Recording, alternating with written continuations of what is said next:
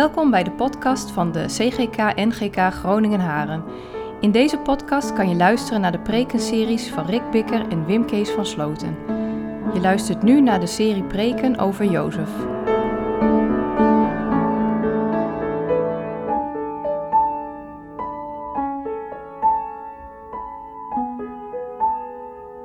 Genesis 50 Jozef boog zich over zijn vader heen en kuste huilend zijn gezicht.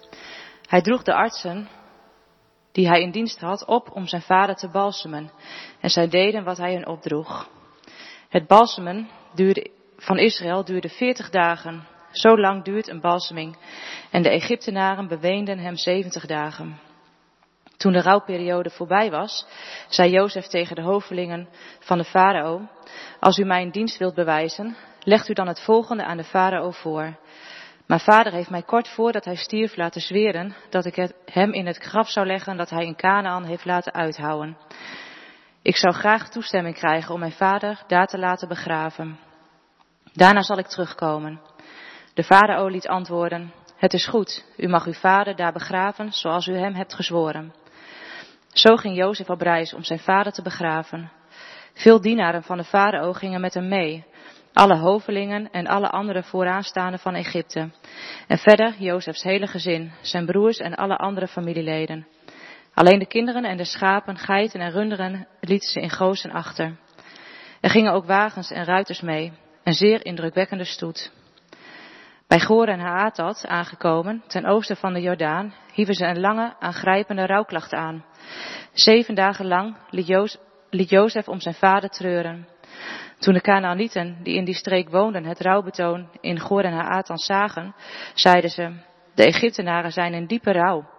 Daarom wordt die plaats ten oosten van de Jordaan ook wel Abel Misraim genoemd. Israëls zonen deden wat hun vader hun had opgedragen. Ze brachten hem naar Canaan en begroeven hem in de grot bij de akker in Machpela, dicht bij Mamre, op het stuk land dat Abraham van de Hethiet Efron had gekocht, omdat hij een eigen graf wilde hebben. Nadat hij zijn vader had begraven, keerde Jozef terug naar Egypte, samen met zijn broers en met alle anderen die met hem waren meegegaan. Nu hun vader er niet meer was, zeiden Jozefs broers tegen elkaar, als Jozef zich nu maar niet tegen ons keert en zich wreekt voor alle ellende die wij hem hebben aangedaan. Daarom lieten ze hem de volgende boodschap brengen. Voordat hij stierf, heeft je vader ons opgedragen je dit verzoek over te brengen. Vergeef je broers om hun schandelijke misdaad, Jozef. Ze hebben je in de ellende gestort. Maar wees nu zo goed om de dienaren van de God van je vader die misdaad te vergeven. Bij het horen van die woorden kon Jozef zijn tranen niet bedwingen. Daarna, ging hij, daarna gingen zijn broers zelf naar hem toe. Ze vielen voor hem op hun knieën en zeiden, we zijn bereid om je slaaf te worden. Maar Jozef zei, wees niet bang, ik kan toch Gods plaats niet innemen?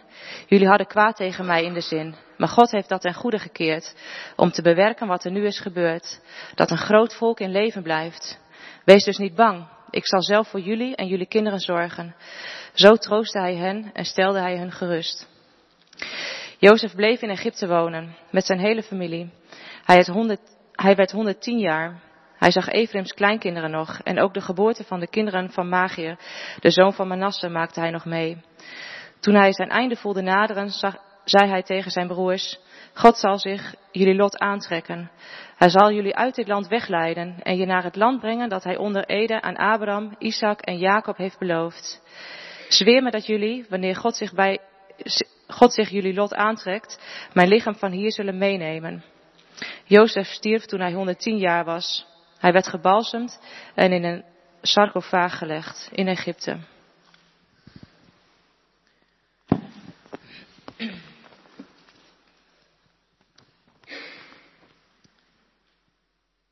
Uh, Hebreeën 11, vers 20 tot 22. Door zijn geloof zegende Isaac, Jacob en Esau. Hij dacht daarbij aan wat er in de toekomst zou gebeuren. Door zijn geloof kon Jacob op zijn sterfbed de beide zonen van Jozef zegenen. Daarna knielde hij neer, steunend op de greep van zijn stok. Door zijn geloof sprak Jozef aan het eind van zijn leven al over de uittocht van het volk van Israël en gaf hij opdracht zijn gebeente dan mee te nemen. Ja, gemeente van de Heer Jezus Christus, het, uh, het laatste hoofdstuk van Genesis. En nu dus de laatste keer over Jozef. En um, was het je opgevallen dat, dat het laatste woord dat Marit las uit Genesis 50, dat was Egypte. Punt. Laat, je dat, laat dat eens op je in, inwerken. Egypte. Dus heel Genesis gaat over dat God aan Abraham belooft, ik zal je God zijn en ik breng je op weg en je gaat naar een, naar een land, een land van melk en honing en ik beloof je dat je daar zult wonen en dan zal ik je zegenen en dan zul je tot een groot volk worden en dat volk dat zal een zegen zijn voor heel de wereld. En het laatste woord van Genesis is Egypte. Soort, alsof je daar bent blijven hangen met z'n allen. En alsof het soort stopt, alsof het stokt. En dat je je afvraagt van hoe gaat dat nou met die belofte van God? Komt daar dan nog wel wat van? En, en die sfeer die zit heel erg in dit hoofdstuk. En tegelijkertijd zie je dan dat Jozef verder kan kijken dan wat er nu is. En dat is denk ik de spanning van Genesis 50. En er zijn eigenlijk drie dingen die ik met jullie wil bekijken. Als eerste het begraven van Jacob. En het tweede, uh, dan uh, de reactie van de broers daarop. En dan als derde um, het geloof van Jozef. Dat zijn eigenlijk de drie dingen. Dus, dacht al dat, ik denk als christelijk gereformeerde dominee heb ik best wel goed gedaan van de week. Gewoon keurig drie punten verzonnen. Dus ik ben blij dat je tevreden bent, uh, Catharina. Ik hoop dat het straks ook zo is. Um, maar als eerste dan, hè, dan, dus Jacob, die heeft eigenlijk heel zijn leven lang gezworven. En dat thema hebben we al eerder aan de hand gehad. Dat in de Genesis, dat, dat er dan wordt gezegd, ja natuurlijk, er is het beloofde land. Maar je moet ook ontdekken dat God buiten het beloofde land ook zijn dingen doet. Op andere plekken waar je het niet verwacht. En dat was bij Jacob ook zo. En dus, dus ook niet raar dat Jacob aan het einde van zijn leven dan in Egypte terechtkomt. En daar kan hij dan gerust sterven, want hij heeft zijn zoon weer gezien. En dat zegt hij ook, nu kan ik sterven, want ik heb Jozef weer gezien. En, nu is het goed. En uh, hebben we net gelezen uh, in, in de Hebreeënbrief, er staat ook dat hij dan sterft in vrede, terwijl hij uh, leunt op zijn staf. Dat, heb, heb je daarover nagedacht, waarom, waarom staat er dan opeens dat hij leunt op zijn staf? Dat is, dat is de stok van de herder.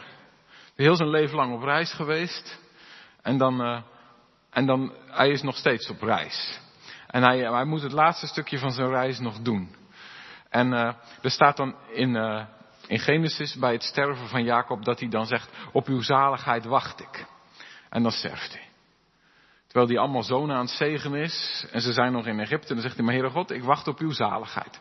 Jozef die zegt eigenlijk van, het mooiste komt nog.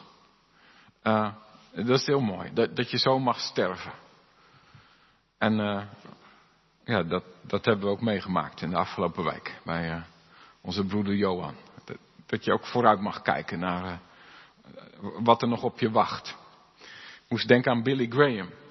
Toen Billy Graham voor zijn sterven lag, toen zei hij tegen mensen om hem heen: Straks lees je in de krant dat ik dood ben. Zei hij: Geloof ze niet? Want als je dit bericht leest van mijn overlijden, dan ben ik levender dan ooit er komt nog wat. Maar Jozef, of Jacob, die wil aan, aan zijn familie ook laten zien van, uh, hier in Egypte, daar hoor ik niet. Dat is niet mijn thuis. Ik hoor ergens anders. Ik wil uh, in mijn begrafenis laten zien waar ik thuis ben, waar ik wil zijn, waar ik hoor. Breng mij maar terug naar de spelonk van Machpela. Breng mij maar naar de plek van, uh, van mijn opa Abraham. En dat is dan ook zo prachtig mooi. Want ik, ik, denk dat een aantal van jullie dat stukje wel kennen over Abraham. Die had die belofte gekregen van God. Hè? Je zult daar wonen in Canaan en heel je volk zal daar wonen. En dat zal allemaal een land zijn van melk en honing. Allemaal, allemaal fijn. Maar dan lees je dat Abraham krijgt maar één stukje. Een paar vierkante meter. En die kan hij dan kopen om zijn vrouw te begraven. En meer heeft hij niet van dat hele beloofde land niet. En dat is de spanning hè, die, die ook zit aan dat, in dit hoofdstuk hè, van Egypte. Dus voel je de spanning van wat God heeft beloofd en waar ik nu ben. En dan zegt, uh, dan zegt Jacob, breng mij maar naar dat plekje van de belofte. Die paar vierkante meter die we hebben, daar wil ik begraven zijn. Bij mijn vaderen, daar wil ik rusten. Maar daarmee zegt hij ook tegen zijn familie en tegen zijn nakomelingen, mensen, let je daarop. We gaan niet praktisch doen. We gaan niet zeggen van nou, begraaf me maar vlakbij, dan kun je nog eens een keer bij me komen kijken, als je er wat vindt. Maar hij zegt, ik wil daar, ik wil een teken neerzetten. Ik wil dat jullie gericht zijn op wat God heeft beloofd gaat heel die, heel die stoet daar naartoe. Die wagens van Egypte, dan, ik hoop dat als je dan inmiddels uh, zover bent, dat je dan ook, oh die wagens weer ziet, die er langs rijden. De wagens van Egypte, de limousines van Farao. Die brengen de familie weer daar naartoe en dan brengen ze ze weer terug. En, uh, en, en dan gaat de familie gewoon verder wonen in, uh, in Egypte. En dat is zo mooi. Heb je gezien trouwens dat Jacob in dit stukje weer Israël heette? Want hij was nu zijn hand aan het leggen op de belofte. Dus dan wordt die naam, die nieuwe naam, Israël, die wordt weer genoemd voor hem. Van kijk eens even, daar laat hij zijn geloof weer zien. Maar dan, dan, dan zijn we bij de tweede scène en dat zijn dan de zonen van uh, Jacob. En uh, die vinden dat lastig om te vertrouwen. En dan zie je heel concreet wat er gebeurt als je het lastig vindt om te vertrouwen. Want zij denken, ja, nu is onze vader dood. Dus Jozef die heeft gewacht op dit moment. En, die, eh, en dan, die zegt dan, het is maar goed dat onze vader dit niet hoeft mee te maken. Maar nu, nu ga ik jullie terugpakken. Nu zul je eens even zien wat de onderkoning van Egypte allemaal kan. Dit is mijn moment, nu komt mijn wraak. Daar zijn ze bang voor. En dan komt er gesmoes. Dan komt er gedoe. Dan komt er onduidelijk gepraat. Dan, dan zeggen ze, ja, wij, uh, wij willen tegen jou zeggen, Jozef, dat vader tegen ons heeft gezegd dat wij tegen jou moesten zeggen dat. dat ik heb dat nergens kunnen lezen, in heel Genesis niet, dat Jacob die dingen tegen zijn uh, zonen heeft gezegd. Ik vraag me dat ook van harte af of dat inderdaad gebeurd is. Dat had Jacob ook helemaal zelf tegen Jozef kunnen zeggen. Maar dat, dat is een beetje gemanipuleerd, hè? Want wij willen onze broer manipuleren dat hij, uh, dat vader heeft gezegd dat uh, deze jongens, die gelovige jongens, die geloven in de, de God van Israël, ja, daar kun je allemaal zomaar niks aan doen natuurlijk. Die, daar moet je vanaf blijven. Dat, ik denk dat je het wel proefde hè, toen we het hoorden net. Van, ze zijn bang en ze willen eigenlijk Jozef manipuleren zodat hij als hij al wat van plan was om ze iets aan te doen, dat hij dan nu, oh, nou, nou, misschien toch maar niet, want Jacob wil het niet en dit zijn tenslotte ook de zonen van de levende God. En, nou. Ik denk altijd maar gewoon het beste om gewoon open en eerlijk te zijn. En dat vind ik zo heerlijk dat dan Jozef daartegenover ook gewoon op die manier reageert.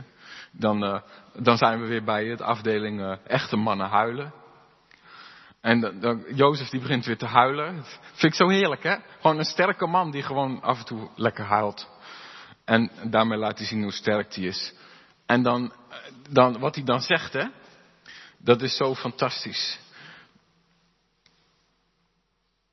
Bij het horen van die woorden kon Jozef zijn tranen niet bedwingen. Daarna, daarna gingen zijn broers naar hem toe en ze vielen voor hem op de knieën en zeiden, we zijn bereid je slaaf te worden. Even als eerste. Ze vielen voor hem op de knieën. Zie je dat hier die droom nog een keer waar wordt? Waar ze zo verschrikkelijke hekel aan hadden, zoveel hoofdstukken geleden. Dat ze zouden buigen voor hem. Hier doen ze het uit zichzelf nog een keer. En dan daarna, wij zijn bereid je slaaf te worden. Hebben jullie dat dan ook? Dat je dan weer moet denken aan de gelijkenis van de verloren zoon. Ik ben niet waard om uw zoon te zijn, laat me maar uw slaaf zijn. Ik wil je knecht wel zijn. Ik heb niet eens meer vertrouwen in uh, dat ik bij jou mag horen. Ik wil er wel voor werken. Dan heb ik er controle over. Terwijl Jozef, die had zijn broers allemaal de mantel omgehangen. Hè? Gezegd, welkom thuis in dit paleis. Hij had ze alles gegeven wat hij had. Hij had ze omhelst, hij had ze gezoend. Hij had om ze gehuild. En hier, ze kunnen het niet zeggen, ik wil er wel voor werken. Maar daar moeten we zo voor opletten. Dat Jezus waarschuwt daarvoor. Die houding van, ik wil wel je slaaf zijn, ik wil er wel voor werken. Ik wil wel werken voor je liefde. Dat komt niet uit God voort.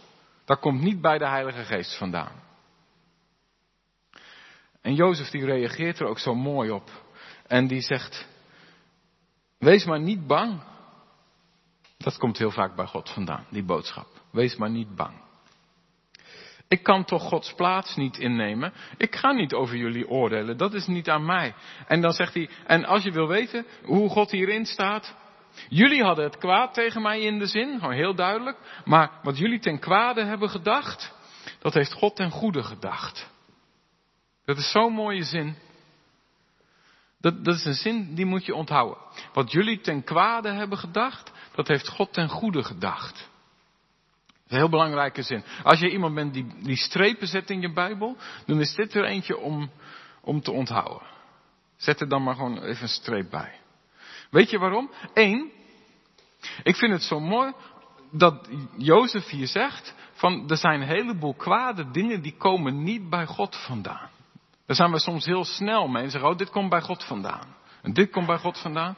Jozef zegt, dit, jullie, dit is jullie schuld. Jullie zijn begonnen aan deze chaos. Met de geheimen en de, en de, en de, en de leugens. Maar wat jullie denken, jullie hebben daar iets kwaads mee in de zin gehad. Gewoon heel eerlijk, heel open, zo is het. Maar jullie hebben iets kwaads bedacht.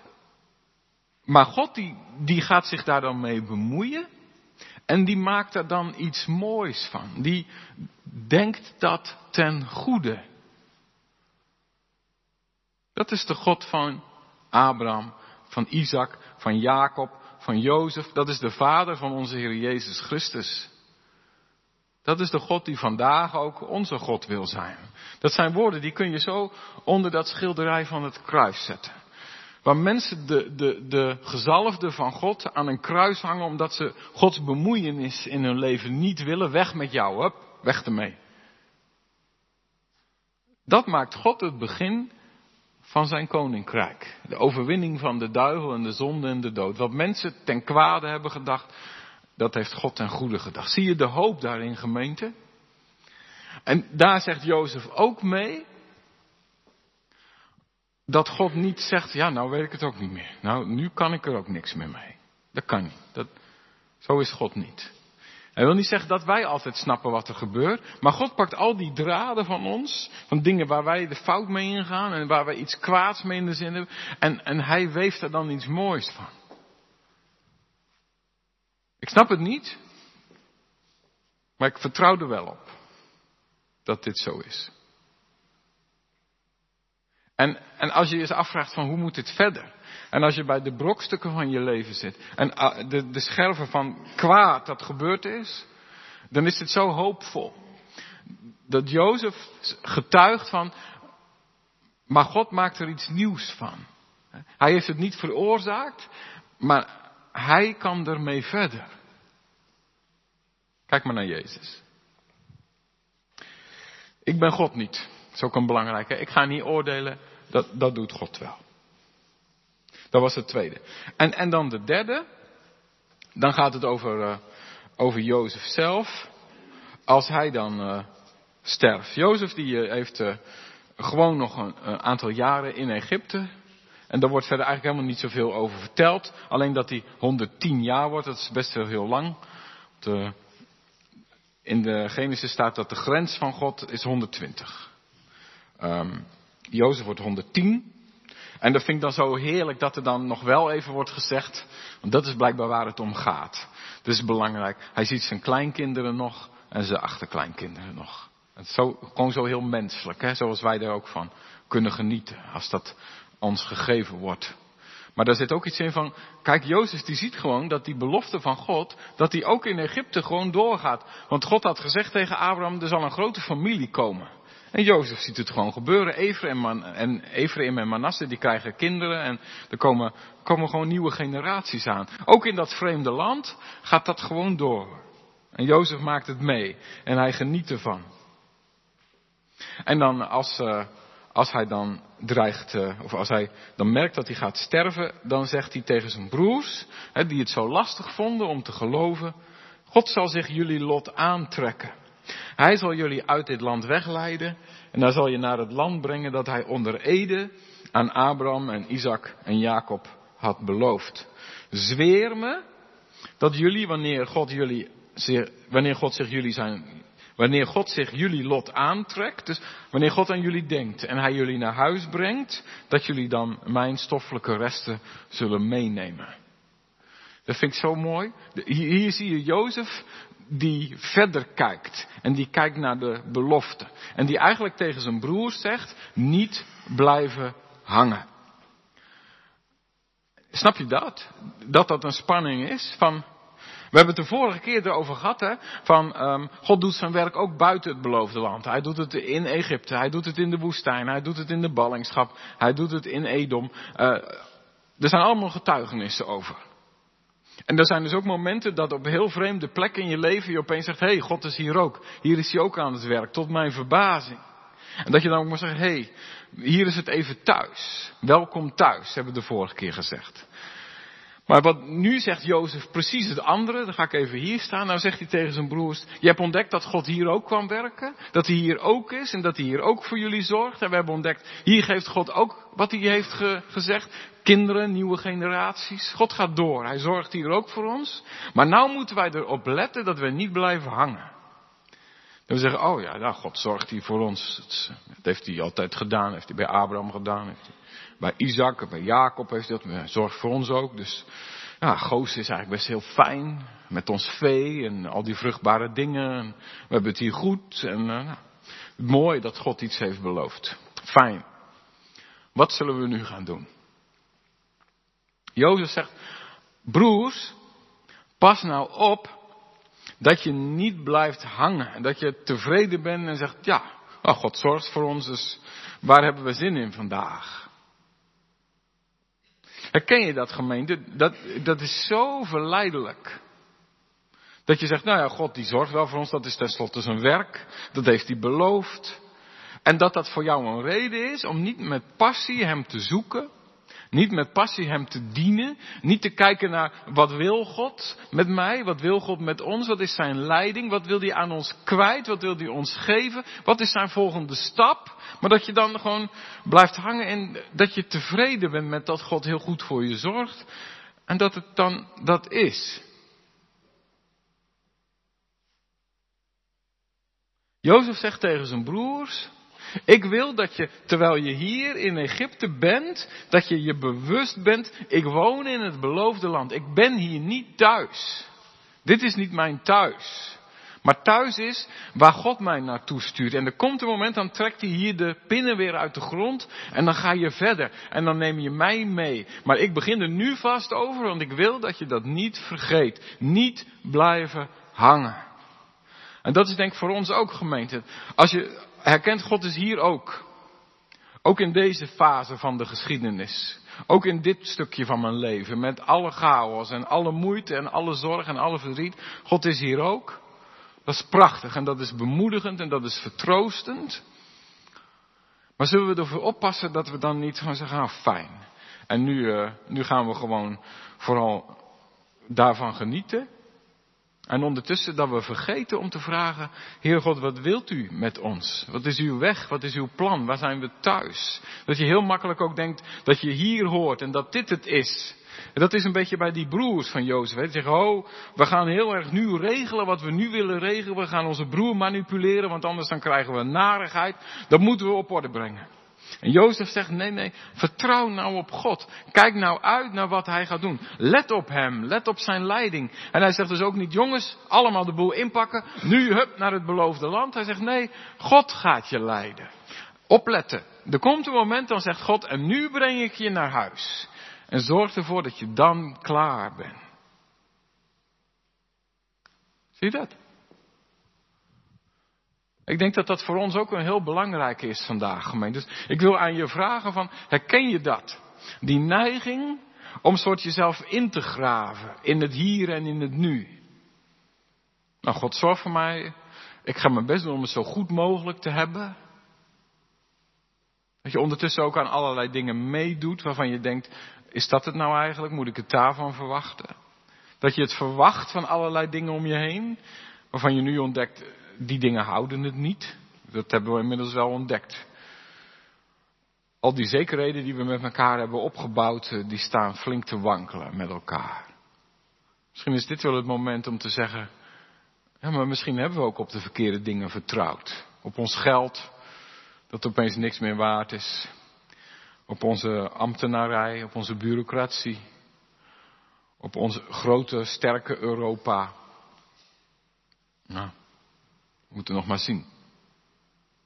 En Jozef die zegt, maar wat is nou je thuis? Waar ligt nou echt je vastheid? En, en ben, je, ben je daar thuis? En heb je je, je verwachting op wat God gaat doen in je leven? En ik hoop niet dat je het proeft als een, uh, uh, een berisping, maar ik hoop dat je het proeft ook als een uitnodiging van God. Die zegt, ik wil je thuis brengen. En daarom heb ik vanmorgen ook met jullie de wet gelezen uit Exodus 20. Ik ben de God die jou uit Egypte heeft thuisgebracht. Dat zegt God elke keer opnieuw. Dat ben ik. En dat wil ik nu ook. Ben je bereid om je te laten meenemen? Ben je bereid om het van mij te verwachten? Ben je bereid om naar mij te kijken? Mag ik met jou mee? Of eigenlijk, ik moet andersom zeggen, wil jij met mij mee op weg? Dat is denk ik wat God zegt. En dat is waar Jozef de vinger bij legt. Broers, en ik zeg, hey, zussen, dat, gaan we dat doen. Ik kan dat niet voor je invullen. Maar ik wil wel aan je vragen van, wil je daar eens naar kijken in de komende week? Van, herken ik dat bij mezelf? Van, is dit misschien wel een, een, een tik van God op mijn schouder? Zeg, hé, hey, weet ik nog waar ik naartoe op weg ben? Weet ik nog waar ik thuis ben? Weet ik nog waar ik mijn vertrouwen op mag stellen? En weet ik ook waar ik het niet in moet doen? Misschien mag ik wel dingen loslaten. Misschien mag ik wel dingen vastpakken. Leven van Gods belofte. Zoals Jozef dat heeft gedaan. En zoals Jozef dat ons voordeed. Zullen wij uh, samen zingen van dat volk, die kinderen van Jozef, die op weg zijn door de woestijn naar dat land van de belofte. En, en dat lied gaat ook daarover van, wees bewust van waar het niet in zit en wat je mag loslaten, maar wees ook bewust van waar je thuis bent. Nog één rivier en dan ben ik thuis.